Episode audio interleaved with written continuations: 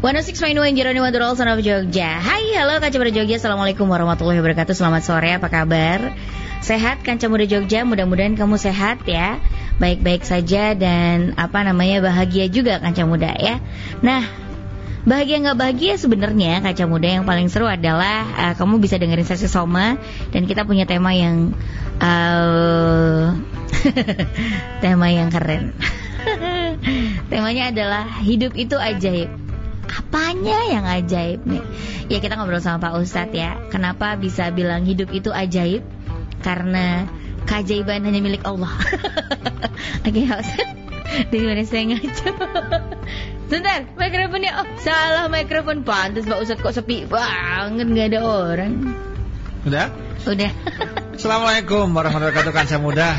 Hidup ini ajaib iya. karena dari sperma yang ditembakkan sekian miliar sel sperma, ratusan juta sel sperma, itu Anda-anda yang hari ini mendengarkan Sasi Soma yang melihat tayangan ini secara live maupun secara yang lain nggak tahu, itu adalah orang-orang yang ajaib. Nyatanya Anda hari ini ada, itu keajaiban. Allah pilih Anda itu sebuah keajaiban. Kalau enggak Anda jadi sel sperma yang tidak hidup. Mbak Ella. Yang gagal. Yang gagal yang hari ini Anda nggak bisa dengerin radio Hari ini nggak bisa makan minum nggak bisa aktivitas apa pun. Maka hidup ini ajaib loh. Hanya dari sel sperma yang sangat kecil sekali Allah buat manusia segede ini, selemu ini, sengganteng ini, hey, sekurus ini, setinggi ini, sependek buat ini. Siapa gantengnya buat iya, siapa? Ya, kan luar biasa. Jadi, jadi, jadi coba sekarang kita berkaca pada diri kita. Hidup kita itu ajaib. Allah telah memberikan kita misi, memberikan kita kesempatan untuk hidup itu adalah keajaiban. Nah, ternyata keajaiban itu nggak berhenti hanya dari, mohon maaf ya, proses awal kita. Ternyata setelah itu ajaib kembali. Allah Subhanahu Wa Taala tidak memandang siapa pun kita, tapi diberikan khilaf kita kasih sayang oleh Allah Subhanahu Wa Taala. Sampai detik ini kita masih bisa hidup. Itulah amin, kasih sayang Allah Subhanahu Wa Taala. Nah, ajaib. Kenapa saya bilang ajaib hidup ini? Karena ternyata dalam kehidupan kita sehari-hari kita sering mengeluh. Nggak punya ini nggak punya itu kurang ini kurang itu. Tapi tetap hidup nggak? Tetap aja hidup. Anda ngeluh apa saja ternyata selalu ada solusi. Ini keajaib loh. Jadi kalau anda hari ini tidak merasakan keajaiban dari Allah mohon maaf perlu dicek ulang itu imannya perlu dicas ulang itu imannya ya. Jadi anda sekarang lihat suami anda itu keajaiban untuk anda saat ini hei para istri kok bisa suamimu senang sama kamu? Itu ajaib loh. Sebaliknya juga. Uh, iya juga sih. Iya. Lo kan? Ajaib itu. Termasuk anda yang jadi suami kok bisa akhirnya istri anda nyantol dan mau menikah dengan anda yang seperti itu adanya? Itu ajaib. Jadi ternyata hidup ini nggak bisa dikalkulasi dengan matematika Mbak Ella dan kancah muda semuanya. Hmm. Kalau kita pakai matematika, Allah itu sudah melenyapkan kita jauh-jauh hari Mbak Ella. Hmm. Lihat maksiat kita itu Allah lenyapkan kita secepatnya itu. Lihat maksiat kita Allah nggak ngasih kita rezeki itu. Ya, itu pasti itu. Hmm. Kenapa? Kalau Allah melihat maksiat kita aja, ternyata Allah itu Ar-Rahman Ar-Rahim Ar-Ghafurur Rahim. Makanya kemudian maksiat kita itu oleh Allah diampuni, oleh Allah yang dilihat adalah kebaikan-kebaikannya. Maka kalau ada manusia kok lihat orang buruknya saja, dia keluar dari ihdinas siratal mustaqim, Mbak Ella. Kenapa? Karena Allah itu lihat orang-orang bejat itu masih lihat baiknya loh. Eh, siapa tahu hambaku ini mau mau bertobat, masih ditunggu sama Allah, masih dikasih usia, masih dikasih kesempatan kurang apa Mbak Ella? Mm -hmm. Keren kan?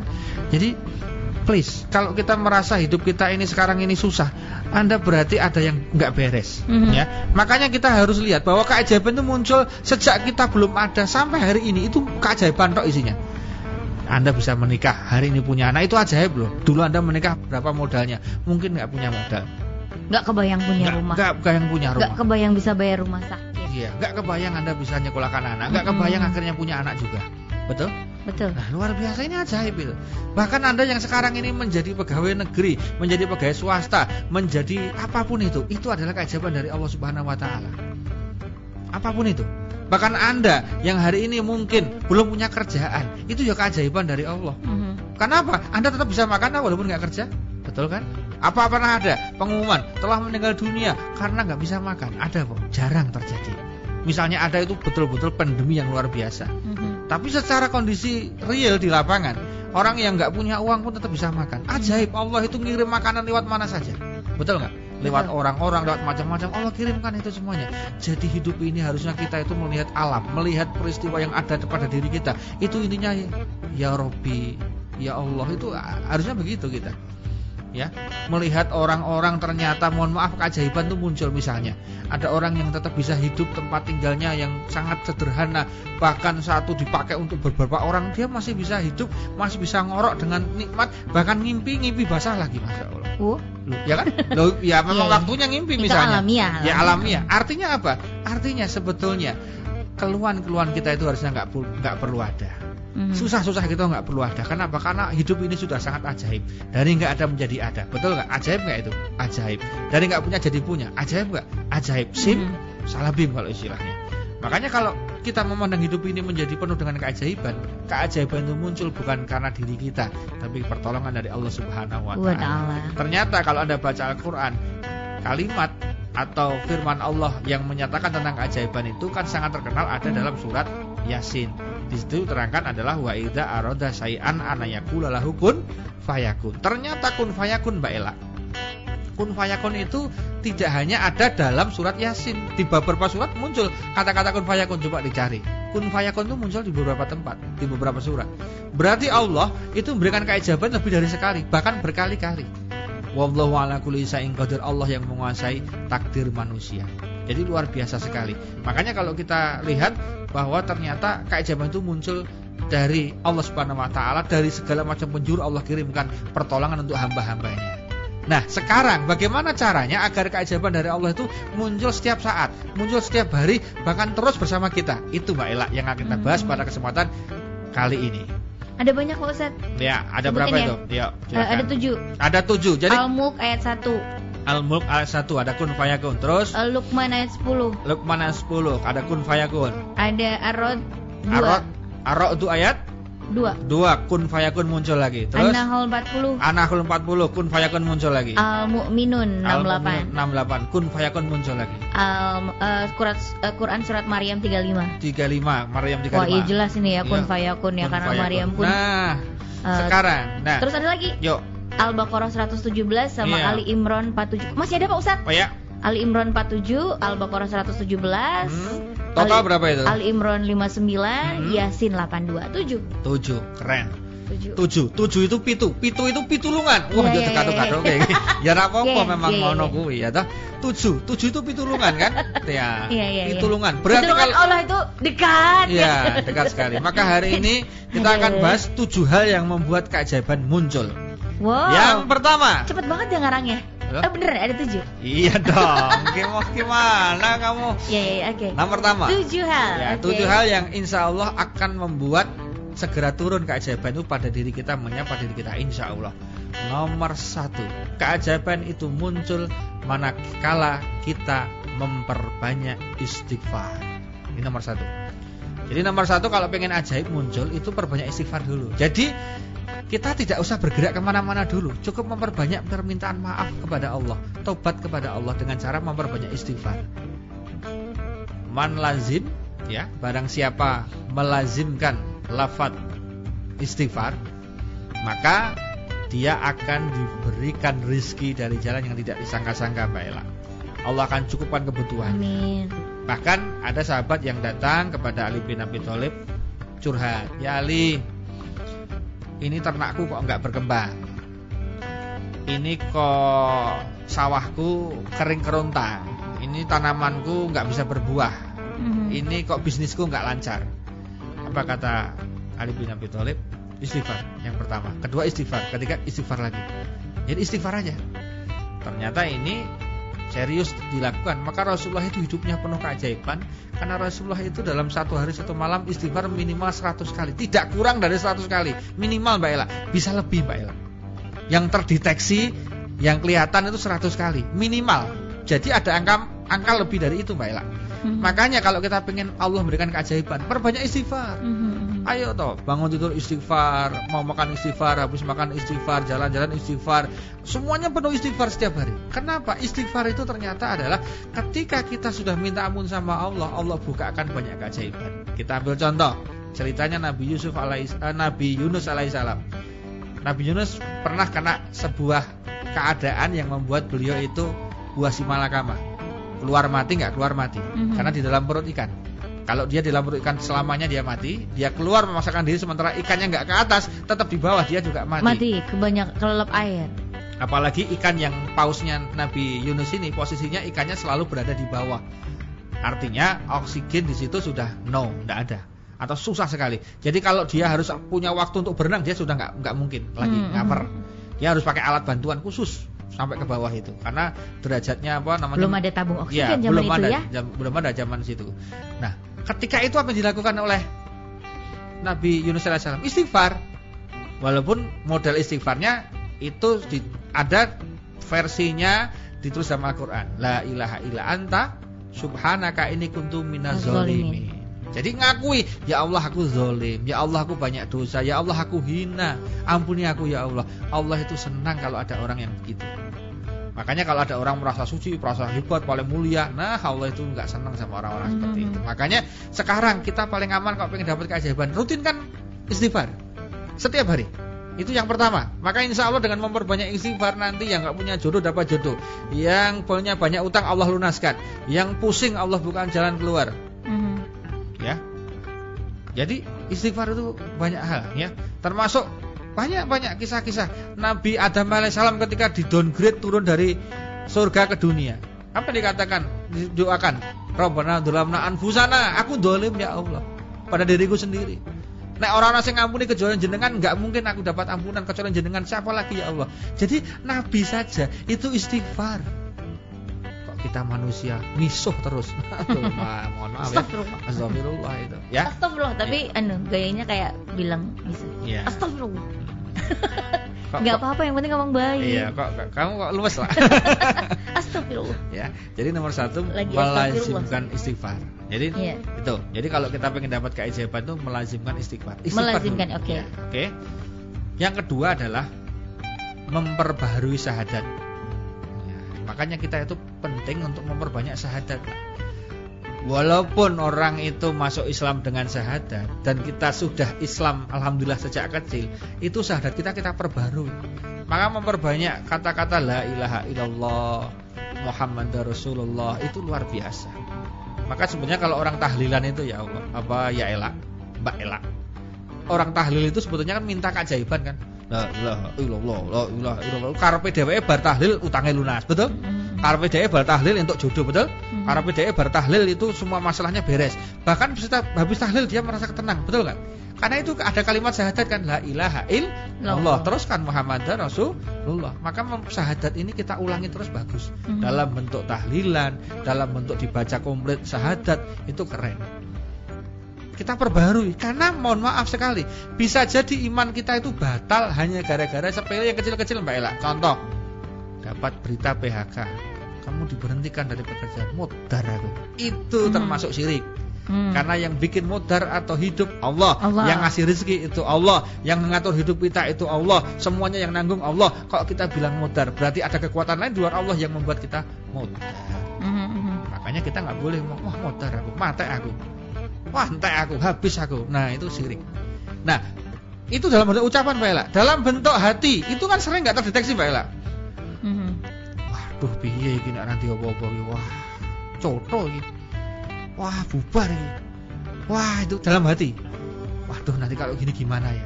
Seakan-akan Allah itu nggak ada gitu, Mbak. Jadi kita itu sering sekali dalam hidup ini begitu kena masalah seakan-akan Allah itu nggak ada, seakan-akan Allah itu membiarkan. Itu sudah jatuh imannya, sudah batal Islamnya kalau nggak hati-hati, Mbak. Ella. Mhm. Maka perlu syahadat. Apalagi kalau kita kemudian dalam beberapa kesempatan sering kali gitu kan lihat apa-apa itu takjubnya bukan pada Allah tapi pada orang, pada barang, pada alat. Wah, banget iki. Wah, berarti iki nek ngene iki duit akeh yo. Mhm. Jadi dia lupa sama Allah yang ngasih duit. dia lupa bahwa yang menciptakan alat itu manusia dan manusia itu ciptaannya Allah. Mhm. Nah, itu termasuk batal loh. Dan rezekinya itu Allah kasih. Iya, jadi dalam kehidupan sehari-hari kita itu sering kali menganggap Allah tidak ada dalam bentuk pernyataan, perkataan atau hati atau batin atau pikiran dan itu bahaya. Hmm. Itu bisa batal iman kita. Tauhid itu yang paling karena syirik itu kata Rasulullah syirik itu ibarat apa? semut hitam di atas batu hitam di malam hari dilihat dengan kacamata hitam kurang apa? Kurang nggak kelihatan. Iya kan? Jadi sirik itu saking tersembunyinya. Iya, Dia iya. seperti semut hitam di atas batu hitam di malam hari. Hadisnya begitu. Kayak Nah, ditambahi sama ustadz-ustadz itu dengan Kacamata hitam. Hitam aja sing ribenya yang sekian Persen. persen. Itu aja tambah kita sedang belean tambahin mana karo- ustadz. Makin nggak kelihatan. Gak kelihatan. Itulah sirik. Padahal ada, Mbak. Ela, real. Meskipun kecil itu hati-hati. Makanya kita gitu kan, jangan tergantung mana istri kita, jangan tergantung pada suami kita. Itu sirik loh ya. Gimana Mbak? Wah, aku sih tenang hidup saya, aku punya suami, suamiku duitnya banyak. Itu sirik. Hati-hati loh. Itu sirik itu. Kenapa? Karena kalau suaminya mati gitu. Maka Hmm. alhamdulillah Allah kirimkan banyak rezeki. Alhamdulillah saya bersyukur, saya berdoa mudah-mudahan rezekinya barokah dan kalau bisa saya berbagi karena rezeki cuma titipan keren. Wah pinter sekali kamu Mas Andi. Kamu kok luar biasa sekali. Dalam editing, dalam syuting gitu. Ya Allah Ini semua karunia Allah. Saya tuh Saya mah bukan apa-apa. Saya remuan apa Mas Andi? Remuan apa ya? Peyek Sing di Remuan kerupuk. oh, Remuan kerupuk Kena Kena angin melempem, Kena banyu ra karu-karuan. Saya itu mah apa Kalau nggak ada Allah? Betul nggak? Iya Nah betul. kita sudah jarang menemukan orang seperti itu Mbak Ella yang ada kan dadanya membusung ya aku kan suwe le editingnya sekolah zaman aku TKI wis editing ya. Aku zaman cilik wis muta-muto ya. Hmm. aku ngamirake SMP ya nganti Lahir wae aku metu nggo kamera. ya. itu yang terjadi. Ya kan? Coba lihat. Contoh yang sangat sirik serial sirik kecil Mbak Ella. Apa itu? Naik pesawat. Kalau di sini mungkin jarang ya di luar negeri yang sering. Hmm. katanya saya juga belum pernah ketemu sama peristiwa itu walaupun saya juga pernah ke luar negeri artinya ketika dia turun eh, berhasil take off atau landing dengan bagus terutama landing ya dia turun dis gitu itu katanya tepuk tangan. Bahasa kasarnya kan wah pilotnya ape Hmm. padahal tahu nggak? Allah yang ngatur agar nggak jatuh. Lihat peristiwa dulu waktu ada pesawat Sukhoi itu. Ada Joy Flag di mana ada pesawat Sukhoi mau eh, promo di Indonesia ketika promo dia pakai pesawat yang terbaru belum pernah dipakai pakai pilotnya aja bukan lisensi pilot biasa pilot ini setelah menerbangkan pesawat ulang alik alias pesawat yang ke bulan jam terbangnya jangan ditanya pesawatnya baru pilotnya Keren. istimewa Heeh. cuaca ketika direkam di- Aman. aman artinya cuacanya landai apa yang terjadi nabrak gunung salak Oh Hancur. iya yang gitu. iya kan gitu. dulu Iya. pernah kan Allah ala kulli qadir. Maka kita nggak boleh sombong, kita mah apa? Makanya kita memperbarui syahadat itu penting sekali walaupun kita itu alhamdulillah Islam sejak lahir. Tapi kita jangan kalah dengan para mualaf itu. Mereka pun memperbarui syahadat itu. Jadi syahadat kita itu bisa batal hanya gara-gara hal-hal yang teknis kecil-kecil yang kita nggak sadar. Karena sirik itu tadi itu kayak Ya semut Semut. hitam di Iya. batu hitam di malam hari pakai kacamata hitam. pelean. Nah, nah, itu sambah karu-karuan, betul nggak? Oke oke. Oke ya, itu yang kedua. Jadi Kedua, Ke pertama adalah tadi saya ulangi lagi memperbanyak Istighfar. istighfar. Yang kedua memperbanyak melazimkan syahadat. syahadat. Nah, yang ketiga, keajaiban itu akan muncul manakala kita memperbanyak sholawat. Nah, itu salah satunya. Kenapa memperbanyak sholawat menjadi keajaiban? Karena kita berislam itu mohon maaf sekali, jangan gaya toh. Kita tahu Islam dari siapa sih? Ayo, jujur. Kita tahu agama Islam dari siapa?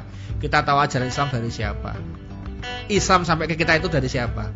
Benar dari Wali Songo para gujarat-gujarat dalam sejarah itu menebarkan dakwah Islam ke Indonesia, betul ya? Tapi mereka-mereka dari siapa? Kulake mbak. Kulak pertama dari siapa saya mau tanya? Nabi Nabi Muhammad. SAW. Jadi kita jangan gaya kita dapat langsung itu enggak enggak pakai perantara pakai Rasulullah makanya terima kasih sama Rasulullah itu dengan memperbanyak sholawat makanya sopo yang sholawat karo kanjeng Nabi Nabi balas makanya jangan kaget di beberapa aliran artinya di teman-teman hadiah di teman-teman majelis Rasulullah yang ada di beberapa negara termasuk Mhm. Indonesia itu ada namanya asrokol. Asrokol itu berdiri bersolawat itu seakan-akan Nabi hadir. Itu hadisnya wonten.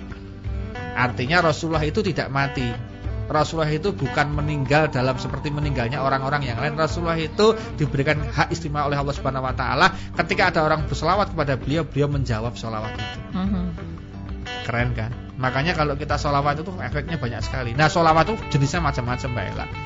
Ya paling sederhana Sallallahu ala Muhammad Ada Allahumma sholli ala Sayyidina Muhammad Allahumma sholli ala Muhammad Ada Sallallahu ala Muhammad Ada yang sholawatnya sampai dengan sholawat Seperti ketika kita tasahud itu Atahiyat itu juga keren Nanti ada sholawat nariyah Ada sholawat macam-macam Ada sholawat badar Itu adalah kreasi-kreasi sholawat Karena apa ya Senang dengan Rasulullah Kemudian membuat sholawat-sholawat itu Hmm. Dan itu tidak syirik, tidak bid'ah. Itu memang sangat luar biasa.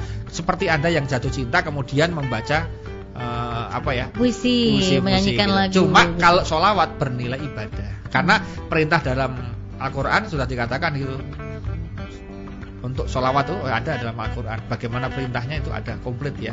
Di Al-Quran itu ada bagaimana kewajiban uh, apa namanya kita untuk bersolawat. Bahkan Allah dan para malaikat juga bersolawat. Mosok kita nggak mau bersolawat gitu ya. ya. Jadi ingat kita tahu tentang halal haram sholat itu dari Rasulullah.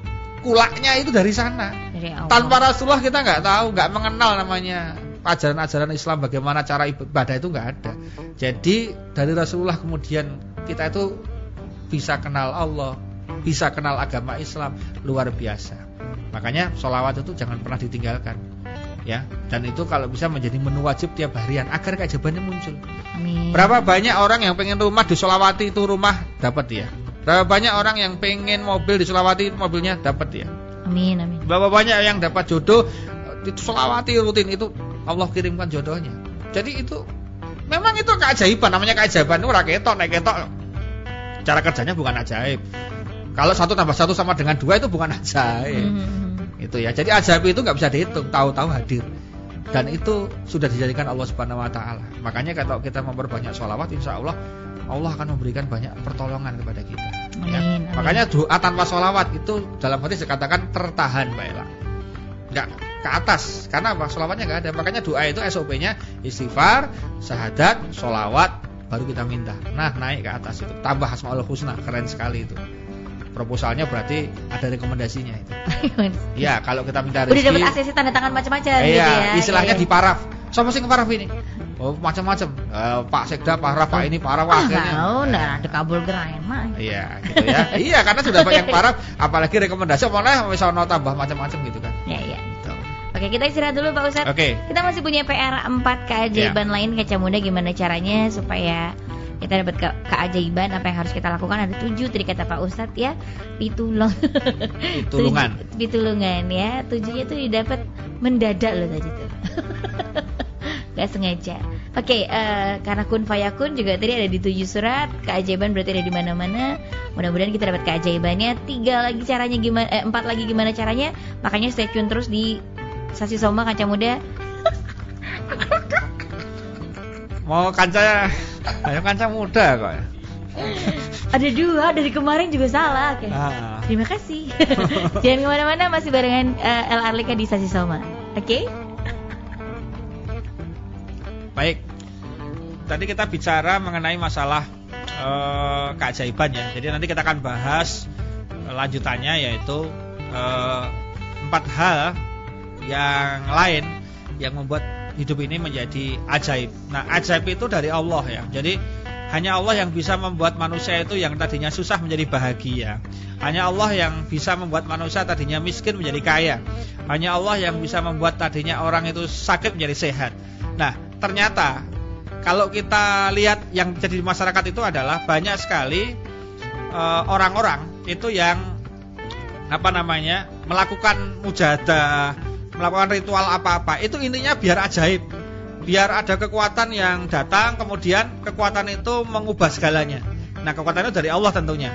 Makanya kenapa orang butuh doa, kenapa orang butuh ritual-ritual. Itu kan mereka tujuannya cuma keajaiban. Nah, jangan sampai kita itu sadar keajaiban setelah kepepet. Contoh, ketika orang periksa mengupayakan ikhtiar itu ya ya oh enggak ya seakan-akan bisa sembuh semuanya. Begitu dokter angkat tangan baru pesen. Ini hanya keajaiban yang bisa menolong, tolong didoakan. Nah, ini sudah terlambat. Seharusnya kita dari awal sudah minta sama Allah, sudah serius sama Allah, minta pertolongan sama Allah agar keajaiban itu muncul rutin terus di awal jadi nggak sampai di akhir makanya pertandingan sepak bola awalilah dengan doa agar ajaibnya muncul ya itu itu itu itu harus harus harus kita lakukan termasuk kalau kita apa namanya Di dalam kehidupan ini tidak ada orang yang apa namanya tidak mau diberikan keajaiban sama Allah. Pasti dia mau diberikan keajaiban sama Allah. Karena ajaib sekali ya kalau kita lihat berapa banyak orang yang tadinya nobody menjadi somebody. Tadinya dia zero menjadi hero. Berapa banyak orang yang bukan siapa-siapa kemudian menjadi siapa-siapa. Berapa banyak orang-orang yang kecil akhirnya bisa mengalahkan banyak pihak. Salah satu contohnya adalah Nabi Dawud alaihissalam. Nabi Dawud alaihissalam kalau kita lihat, beliau itu orangnya kecil, tetapi karena yakin kepada Allah Subhanahu wa taala, hanya dengan modal ketapel dia bisa mengalahkan yang namanya Jalut. Jalut itu kalau dalam bahasa film namanya Goliat. Dia bisa mengalahkan itu Jalut yang sangat besar dengan pakaian besinya. Dia pakai hanya dengan ketapel. Ternyata ini bukan ketapel, bukan ketapelnya yang bisa membuat dia jatuh, tapi keyakinan dia kepada Allah, kemudian doa dia kepada Allah itu yang membuat kemudian Goliat jatuh hanya dengan ketapelnya Nabi Daud alaihissalam. Maka Nabi Daud itu punya kekuatan dia bisa memecah besi. Orangnya sangat kuat sekali. Ternyata bukan karena beliaunya latihan, bukan.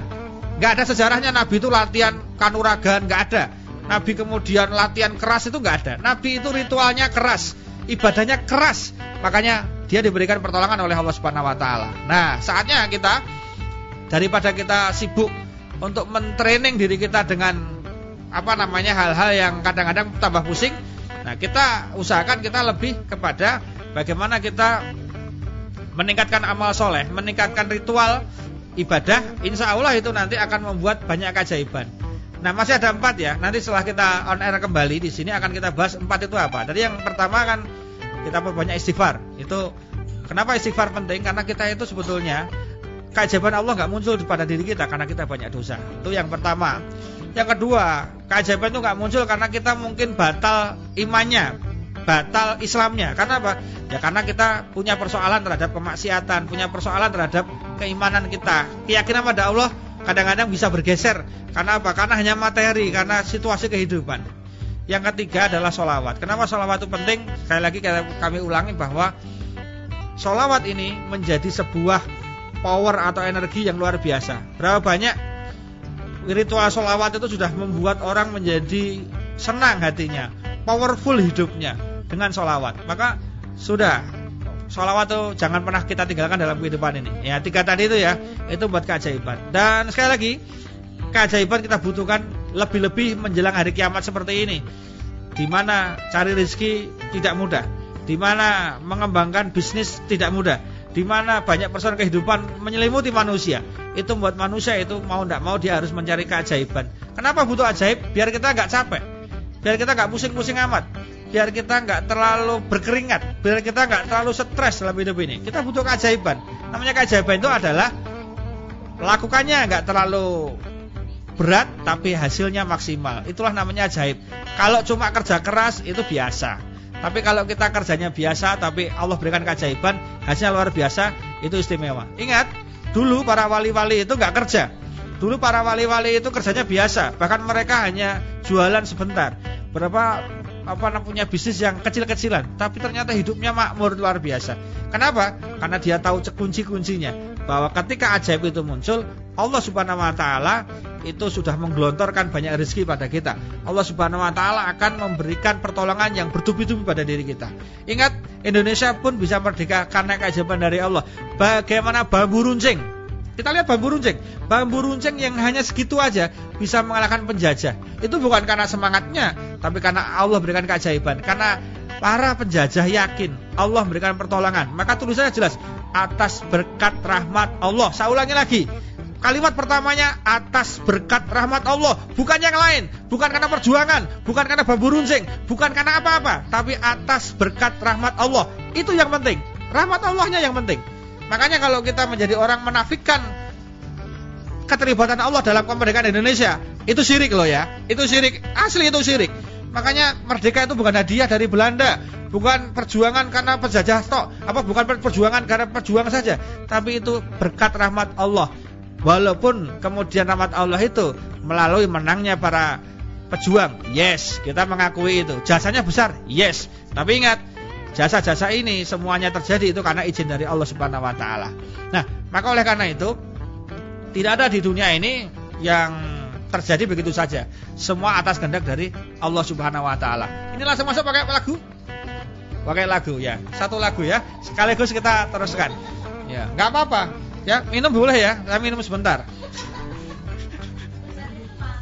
Termasuk kita habis minum enak, itu ajaib loh ya. Coba kalau kita minum habis itu nggak enak, itu bukan keajaiban. Ya, Allah memberikan kita nih lidah, bisa asin, bisa gurih, bisa manis, itu ajaib. Mana ada alat yang bisa sensor itu dengan satu alat, nyensornya bisa macam-macam. Pahit bisa, gurih bisa, asin bisa, manis bisa. Coba ciptakan alat yang sama dengan lidah, tidak bisa. Itu keajaiban. Betul ya. Ya, termasuk tubuh kita dari atas sampai bawah itu penuh dengan keajaiban ya. Alhamdulillah Allah ciptakan kita ini dalam bentuk yang sempurna. Fi ahsani takwim. Coba lihat. Kita diberikan Allah kulit-kulitnya aja tertut menutupi organ dalam. Coba kalau kulitnya sama Allah dibikin transparan, organ dalamnya kelihatan semua. Wah. Pasti kita akan mengerikan kan? Hebatnya Allah mendesain manusia dalam bentuk yang sempurna. Fi ahsani takwim. Itu keajaiban. Makanya tidak ada kata lain kecuali kita mengejar ridha Allah, ya, mencari ridha Allah, berlari menuju kepadanya. Itu kata kuncinya. Karena kalau kita berlari menuju kepadanya, insya Allah Allah akan buka tabir-tabir pelan-pelan. Oh ini toh ternyata. Oh kehidupan begini. Allah berikan banyak kemudahan nanti akan dalam kehidupan ini. Caranya apa? Kita mendekati Allah dengan cara boleh merangkak, boleh berjalan, syukur kita bisa berlari. Nah kalau berlari itu kenapa? Karena kita butuh cepat. Karena mungkin selama ini banyak dosa. Selama ini kita banyak waktu yang sia-sia. Selama ini kita banyak maksiat. Selama ini kita banyak menjadi orang yang tidak manfaat. Dan tidak konek sama Allah. Mungkin usia kita mendekati 40. Dari 0 sampai 40. Kasarannya nggak pernah sholat. nggak pernah puasa, nggak pernah ngaji seakan-akan Allah tidak ada dalam hidup ini. Maka saatnya kita tidak boleh berlak, tidak boleh merangkak mendekati Allah, tidak boleh berjalan, lari sprint secepatnya dekati Allah.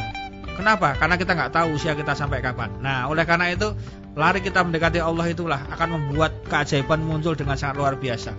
Allah berikan cahayanya, Allah berikan nurnya, Allah berikan hidayahnya kepada kita. Insya Allah demikian. Maka nggak ada kata lain lagi kecuali kita merapat dekat kepada ilahi, merapat dekat kepada Allah Subhanahu wa taala. Ya. Jadi itu harus kita lakukan. Nah, kalau kita masih belum mau merapat, ya kemungkinan karena kita kurang banyak istighfarnya. Nah, jadi ayo dosa istighfar kita perbaiki ya. Dari yang tadinya sehari cuma 33 kali 5 kali sholat Maka kita tingkatkan menjadi mungkin 100 kali Kali 5 sholat Jadi kita dalam sehari semalam 500 kali istighfar Insya Allah kalau kita sampai dua kali lipatnya menjadi seribu istighfar setiap hari. Lihat keajaiban Allah insya Allah akan segera turun. Kita sholawat seribu kali, istighfar seribu kali Sahadat seribu kali. Wah keren sekali. Lihat aja keajaibannya. Nanti akan muncul insya Allah Yang penting sekarang adalah praktekkan dulu nggak usah komentar dulu. Nggak usah pura-pura cari dalilnya, cari mana ini, mana ada kata-kata seribu dalam Quran, dalam hadis nggak nyebutkan. Memang nggak ada seribu dua ribu tuh nggak ada. Itu mempermudah hitungan aja. Makanya kiai-kiai itu kenapa dibikin seribu dua ribu biar orang itu terpanjang melakukan sebanyak-banyaknya. Karena kenapa harus banyak? Karena siapa tahu dari yang banyak itu yang nggak lolos ada, maka masih ada yang lolos. Kalau kita cuma sedikit itu nggak lolos semuanya, zong. Maka kenapa sama kiai dibikin seribu dua ribu? Siapa tahu yang lolos cuma lima ratus, ya mending daripada kita cuma sepuluh tapi nggak lolos semua. Mending kita seribu yang lolos cuma lima ratus atau tiga ratus, alhamdulillah. Gitu ya. Kita masuk lagi online. On airnya silakan. 106.1 Jeremy Water Son Jogja Balik lagi di saya sama sana sini soal agama di Kaca Muda Jogja Kita bakal ngobrol lagi soal tema yang tadi udah kita obrolin adalah uh, Tunggu dulu Keajaiban itu Hidup ini ajaib Hidup ini ajaib Kaca Muda seperti apa keajaibannya? Ya kita deketin juga keajaibannya Kaca Muda Supaya keajaibannya selalu muncul di kehidupan kita setiap hari Nah Nah, ini dari tadi gini. Beda. nah, ada tujuh hal yang insya Allah mempermudah kita dapat keajaiban karena untuk saat dan kondisi seperti ini kita sepertinya butuh sekali keajaiban ya Pak Ustadz. Ya. ya, terima kasih. Semuanya tidak hanya kamu ya. Oh, ya. Oh, ini Kan saya bilang kita, Iya. saya nggak bilang saya, kita. Oke. Yang pertama tadi udah dibilangin adalah istighfar, diperbanyak, Iya. melazimkan syahadat. Oke. Ya, yang ketiga memperbanyak sholawat Ya. dan Yang- yang keempat, kelima, keenam, ketujuh. Ya. Nah, ini kita mau bahas. Makanya kamu duduk manis dengerin radionya, digedein volumenya kaca muda biar dapat keajaibannya. Ya. Yang keempat Mbak Ella itu adalah meningkatkan kekhusyuan sholat wajibnya. Jadi sholat wajib inilah pintu keajaiban. Makanya orang yang sholat wajibnya nggak serius, sholat wajibnya nggak khusyuk, sholat wajibnya asal-asalan, mohon maaf sekali keajaiban susah menghampirinya. Makanya kalau karena sholat itu adalah keajaiban Mbak Ella. Mencium bumi, Mhm. bersujud mendapatkan keberkahan dari langit. Keren kan? Berbisik ke bumi yang dengarkan langit. Itulah namanya sujud. Jadi ternyata mohon maaf ya, dari semua ibadah itu sujud itu menjadi ibadah yang paling top of the top. Orang itu dalam banyak ibadah yang lain itu ketika dia sujud itu kan betul-betul merendahkan dirinya serendah-rendahnya dan itu di hadapan, di hadapan hanya di hadapan Allah Subhanahu wa Mhm. taala tidak boleh orang itu bersujud kepada selain Allah. Makanya ketika dia mau sujud, jadi Allah itu insya Allah ya sangat menghormati, menghargai, ngeregani, nguwongke wong sing betul-betul telah menyembahnya bersujud mau merendahkan dirinya serendah-rendahnya. Gak usah gitulah, kita manusia aja. Kalau ada orang bukan sujud ya, mau istilahnya mau munduk-munduk sudah sampun sampun, udah udahlah, udah udah, udah nggak usah nangis, sudah sudah cukup, ya ya ya udah aku maafkan, udah udah udah lunas lunas, lunas. Mhm, mhm. misalnya gitu. Itu manusia loh ya. Di apa? Diselondoi apa istilahnya? Di istilahnya apa ya? Dirayu. dirayu Diapain? atau diturun apa kita menurunkan nurunkan tubuh kita. Maka orang lihat orang Jepang ketika turun gitu kan sebagai pertanda dia salah sekali itu kan orang menjadi memaafkan betul? Mhm. menjadi kasihan. Sus, udah, udah udah jangan gitu jangan. Sak bantu tak bantu. Sudah nggak usah gitu nggak usah gitu. Nggak usah cium tangan nggak usah nggak usah nggak usah. Artinya apa? Ketika kita merendahkan diri itu orang itu sama kita kan menjadi sayang menjadi senang menjadi mau nolong. Itu Mhm. manusia loh. Mhm. bayangkan ketika Allah yang kita tidak hanya merendahkan diri dalam konteks hanya rukuk tapi sampai sujud kita betul-betul sentuhkan diri kita. Kepala yang paling berharga itu sentuhkan ke tanah betul-betul ke lantai. Itu Allah itu melihat orang sujud itu luar biasa. Makanya kalau ada orang nggak pernah sujud mohon maaf sekali. Hidupnya kemungkinan besar walaupun dia kelihatannya lancar itu ada masalah. Walaupun katanya kaya mungkin ada yang hilang. Mhm. walaupun kelihatannya berkuasa tapi dia keropos. Itu yang terjadi. Makanya kalau kita mau menjadi orang yang istimewa maka kita harus memperbaiki kualitas sujud kita. Kita kusukkan. Kusuk itu bukan berarti nggak nggak dengar apa-apa bukan begitu mbak Ella. Kusuk itu bukan berarti nggak nggak ingat apa-apa bukan. Mhm. kusuk itu intinya ketika kita itu sedang ingat selain Allah atau ingat selain sholat kita kembali lagi oh ini sedang sholat Astagfirullah dalam hati boleh Mhm. Kemudian dia teruskan lagi, terus luruskan, luruskan, luruskan. Akhirnya apa? Akhirnya dia dari takbir sampai salam itu konsen tenan bahwa ini adalah menghadap Allah. Saya sedang berhadapan dengan Allah Azza wa Jalla. Karena ini. Dan itu butuh latihan memang. Nggak bisa sekali dua Kali. kali. Harus terus, terus, terus. Bahkan kalau sudah keren itu, mau ada kampanye gurang, gurang, gurang, gurang, gurang, gurang, tetap dia bisa kusuk. Ada orang ngomong tetap dia bisa kusuk. Dia nggak terpengaruh karena udah ter terbiasa. Dia Jadi- udah punya titik Ya. yang gimana caranya seperti sedang bertemu dengan Allah gitu ya. Ya, jadi keajaiban itu akan muncul manakah sholat. Karena suatu ajaib dan ingat, sholat oleh Allah didesain. Itu begini Mbak Ella. Ketika ada sholat subuh, sholat subuh itu mengcover, mengasuransi persoalan dari subuh sampai dengan duhur. Jadi harapannya dengan sholat subuh itu antara subuh sampai duhur itu kalau ada masalah Allah cover dengan sholat subuh. Ketika di sholat antara sholat subuh dengan duhur ada masalah yang belum selesai, Allah coverkan ketika kita sholat duhur. Karena sholat duhur itu menyelesaikan masalah dari duhur sampai dengan asar.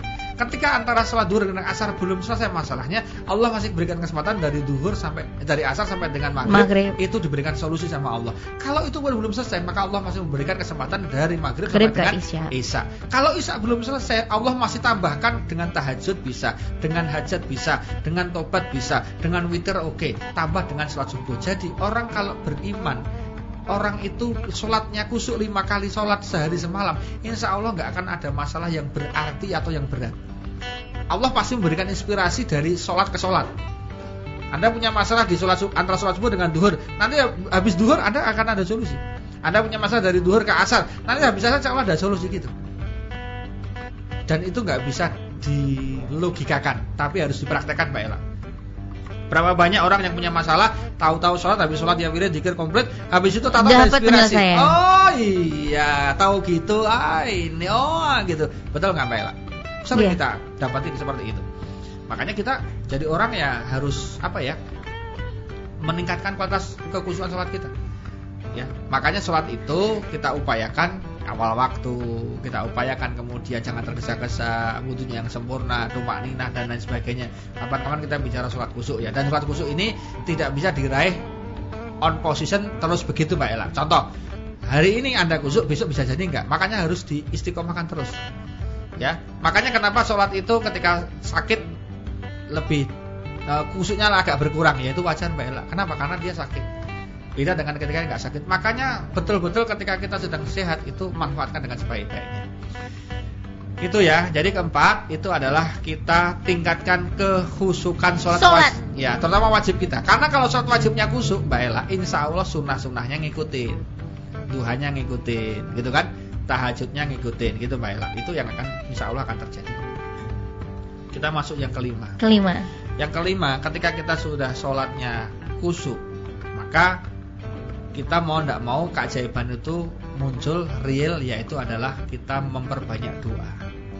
Makanya dalam Islam itu lihat hampir semuanya ada doanya.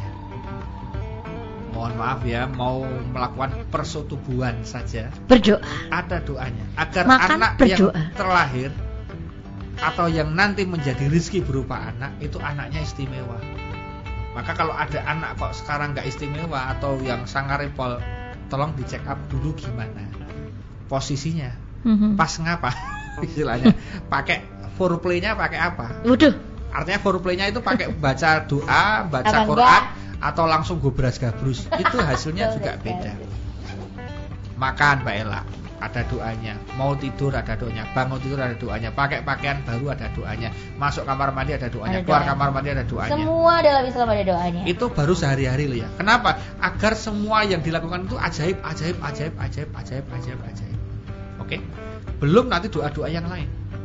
Minta rubah nasibnya, minta rubah hidupnya, minta rubah utangnya, minta ini, minta itu. Itu harus dengan real doa. Nah, doa kenapa Ustadz di nomor 5? Ya karena SOP-nya doa itu nanti kamu itu SOP yang partai pakai dulu, nanti baru doa. Nah kita tuh seringnya nggak gitu kan? Doanya diandelin tapi sholatnya nggak ngandelin. Doanya diandelin tapi maksudnya nggak pernah tobat. Jadi doa itu baru oke. Okay. Permintaan itu kalau kita udah dekat sama Allah itu baru oke. Okay.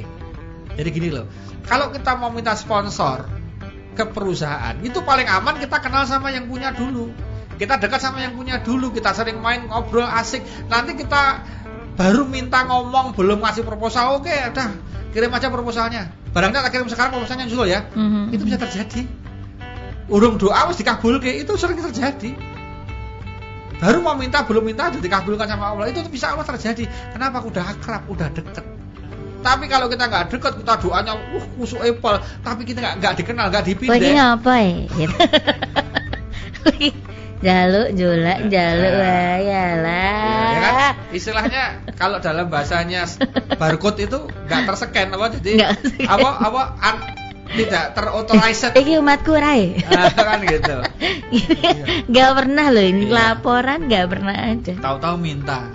Lah ya gimana ya? Data ya. aja udah masuk data yang mau dihilangin gitu ya. Sama ketika ada orang memasukkan proposal nggak dikenal terus perusahaannya itu anu kan ya ditampok proposalnya hmm. gimana Pak? Wah, mohon maaf kita belum bisa berpartisipasi. Paling gitu jawabannya. Iya. Paling bater ya ya ini adanya payung kalau mau tapi ya mohon maaf ya jangan tersinggung memang itu realnya. Iya, iya, tapi betul. kalau kita udah dekat kadang proposalnya aja bisa nyusul. Kadang baru telepon udah dikirim. Nanti tinggal tanda tangan buktinya aja. Itu sering terjadi. Ya, ya kan? Ya, ya, ya. Maka memang kenapa doa Ustadz nomor 5? Ya mohon maaf, memang urutannya doa itu baru dilakukan kalau kita sudah lakukan SOP tadi depan-depan baru kemudian doa. Yang sering kejadian kan kita doanya diendelin dulu, tapi yang lainnya propos. Apa istilahnya lampiran proposalnya itu nggak ada. Ya udah nanti cuma numpuk aja hmm. di pos satpam. Jadi awal aja yang pertama kita harusnya memang merendahkan diri dulu ya Pak Ya saya Serendah-rendahnya karena Iya. memang kita punya salah, kita manusia yang nggak Ya, yang bisa apa-apa. sempurna, nggak bisa apa-apa. Kita gitu. emang harus betul betul harus Ya. serendah-rendahnya manusia dulu untuk meminta. Ya, itu nomor 5. Ya, kita masuk ke nomor 6 aja mudah. Yang keenam, yang namanya keajaiban itu akan muncul itu adalah Ella, itu karena kita berbakti kepada kedua orang tua kita. Nah, kalau Anda sudah tobat, sudah istighfar, sudah sholawat, sudah semuanya sudah, doanya sudah, kok masih belum bergeser nasibnya, berarti Anda jarang berbakti kepada Pada orang tua. kedua orang tua. Apalagi kalau orang tua Anda sudah tiada, Anda pasti nggak pernah kirim doa khusus, nggak pernah yasinan khusus, nggak pernah tahlil khusus, nggak pernah menghadiahkan hadiah yang bisa ditransfer pada orang tua. Itu mungkin terjadi kalau orang tua telah tiada. Kalau orang tua masih ada, mungkin Anda nggak pernah membagiankan mereka.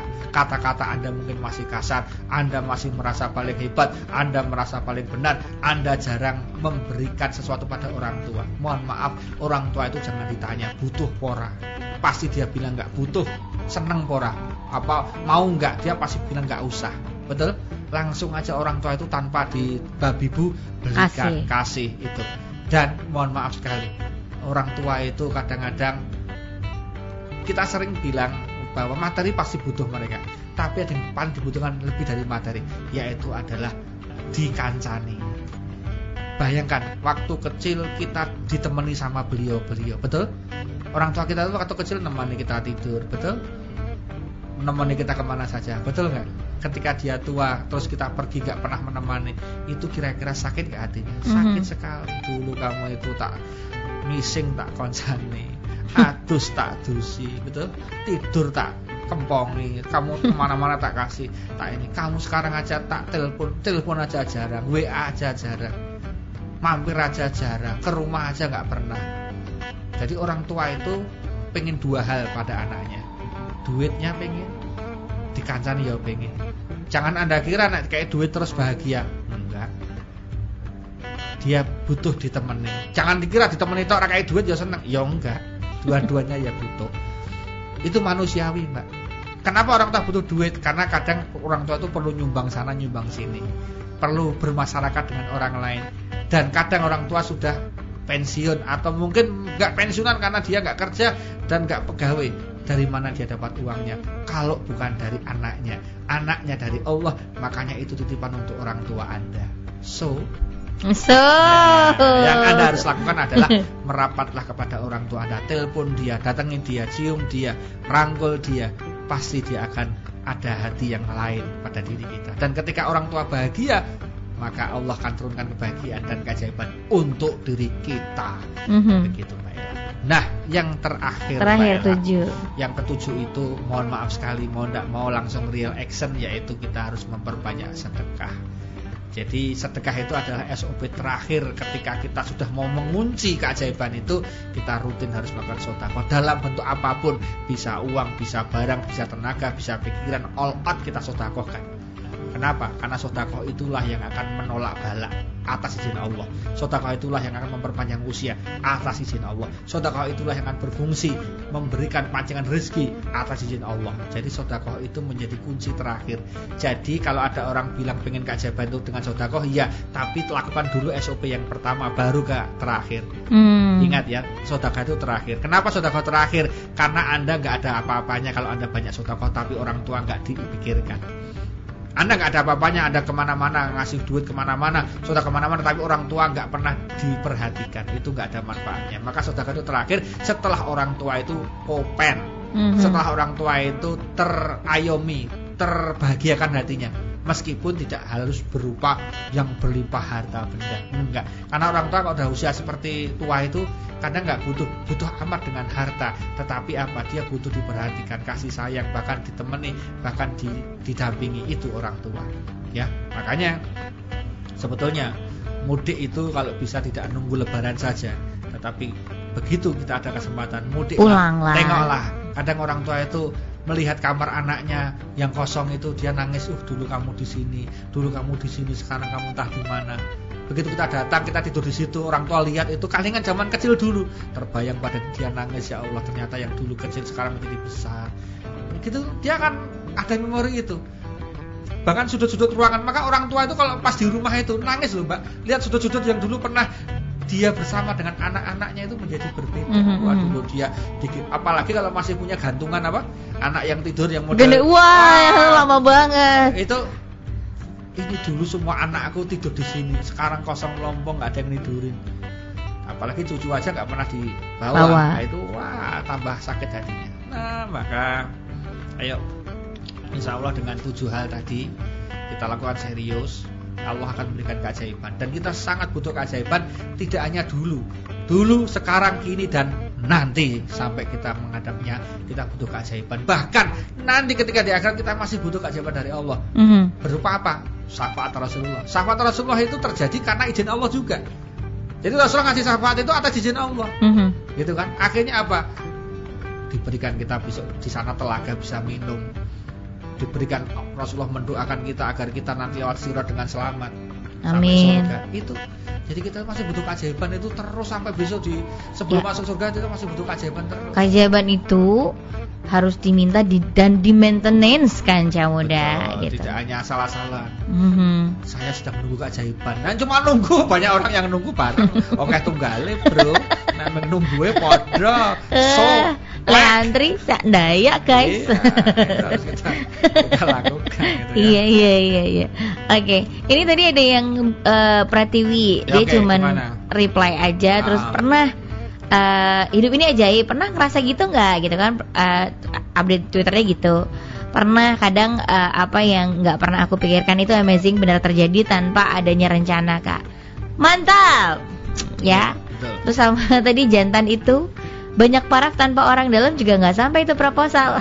Iya. Iyo, gimana dong? Iya, jadi maksudnya banyak paraf tapi nggak ada orang dalam. Ini orang dalam itu kan kalau kita kirim-kirim doa, kita istilahnya nyolek, nyolek Rasulullah kan dengan sholawat nyolek Rasulullah itu.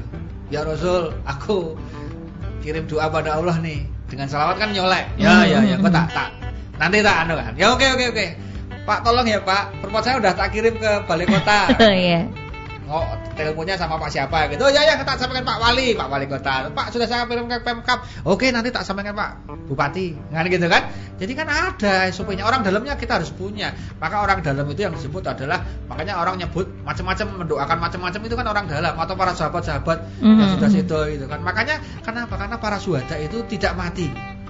Bahkan mereka hidup. Itu ada dalam Qur'annya ada. Okay. Hadisnya juga ada. Makanya leluhur itu juga perlu didoakan di situ. Dicolek-colek Mbak Ella. Walaupun urusan bagaimana cara kerjanya itu Allah yang Maha tahu. Tetapi bahwa kemudian kita bersahabat, istilahnya itu dulu ini sebagai pengunjung ya. Jadi Umar bin Khattab itu ketika di alam barzah dibangunkan malaikat kan malaikatnya kan katanya kan menurut informasinya kan ini Munkar Nakir itu matanya besar sekali kemudian mendelik gitu malaikatnya langsung digetak sama Umar bin Khattab. Hei malaikat, kamu nggak tahu kamu tahu nggak siapa saya? Wah, mm -hmm. malaikatnya saya nggak tahu. Saya ini sahabatnya kekasihnya Allah. Mm -hmm. nah, kekasihnya Allah kan Nabi Muhammad. Berarti kan saya itu sahabatnya kekasihnya Allah. Jadi dewa Umar aja butuh nyebut Nabi. Mm. Ketika dalam barisnya nyolek, nyolek. Iya, iya, iya. Aku koncone elak loh gitu. Aku koncone Andi loh gitu. Kan yeah, yeah, dia butuh nyolek. Betul. Butuh link ya orang butuh dalam. Link.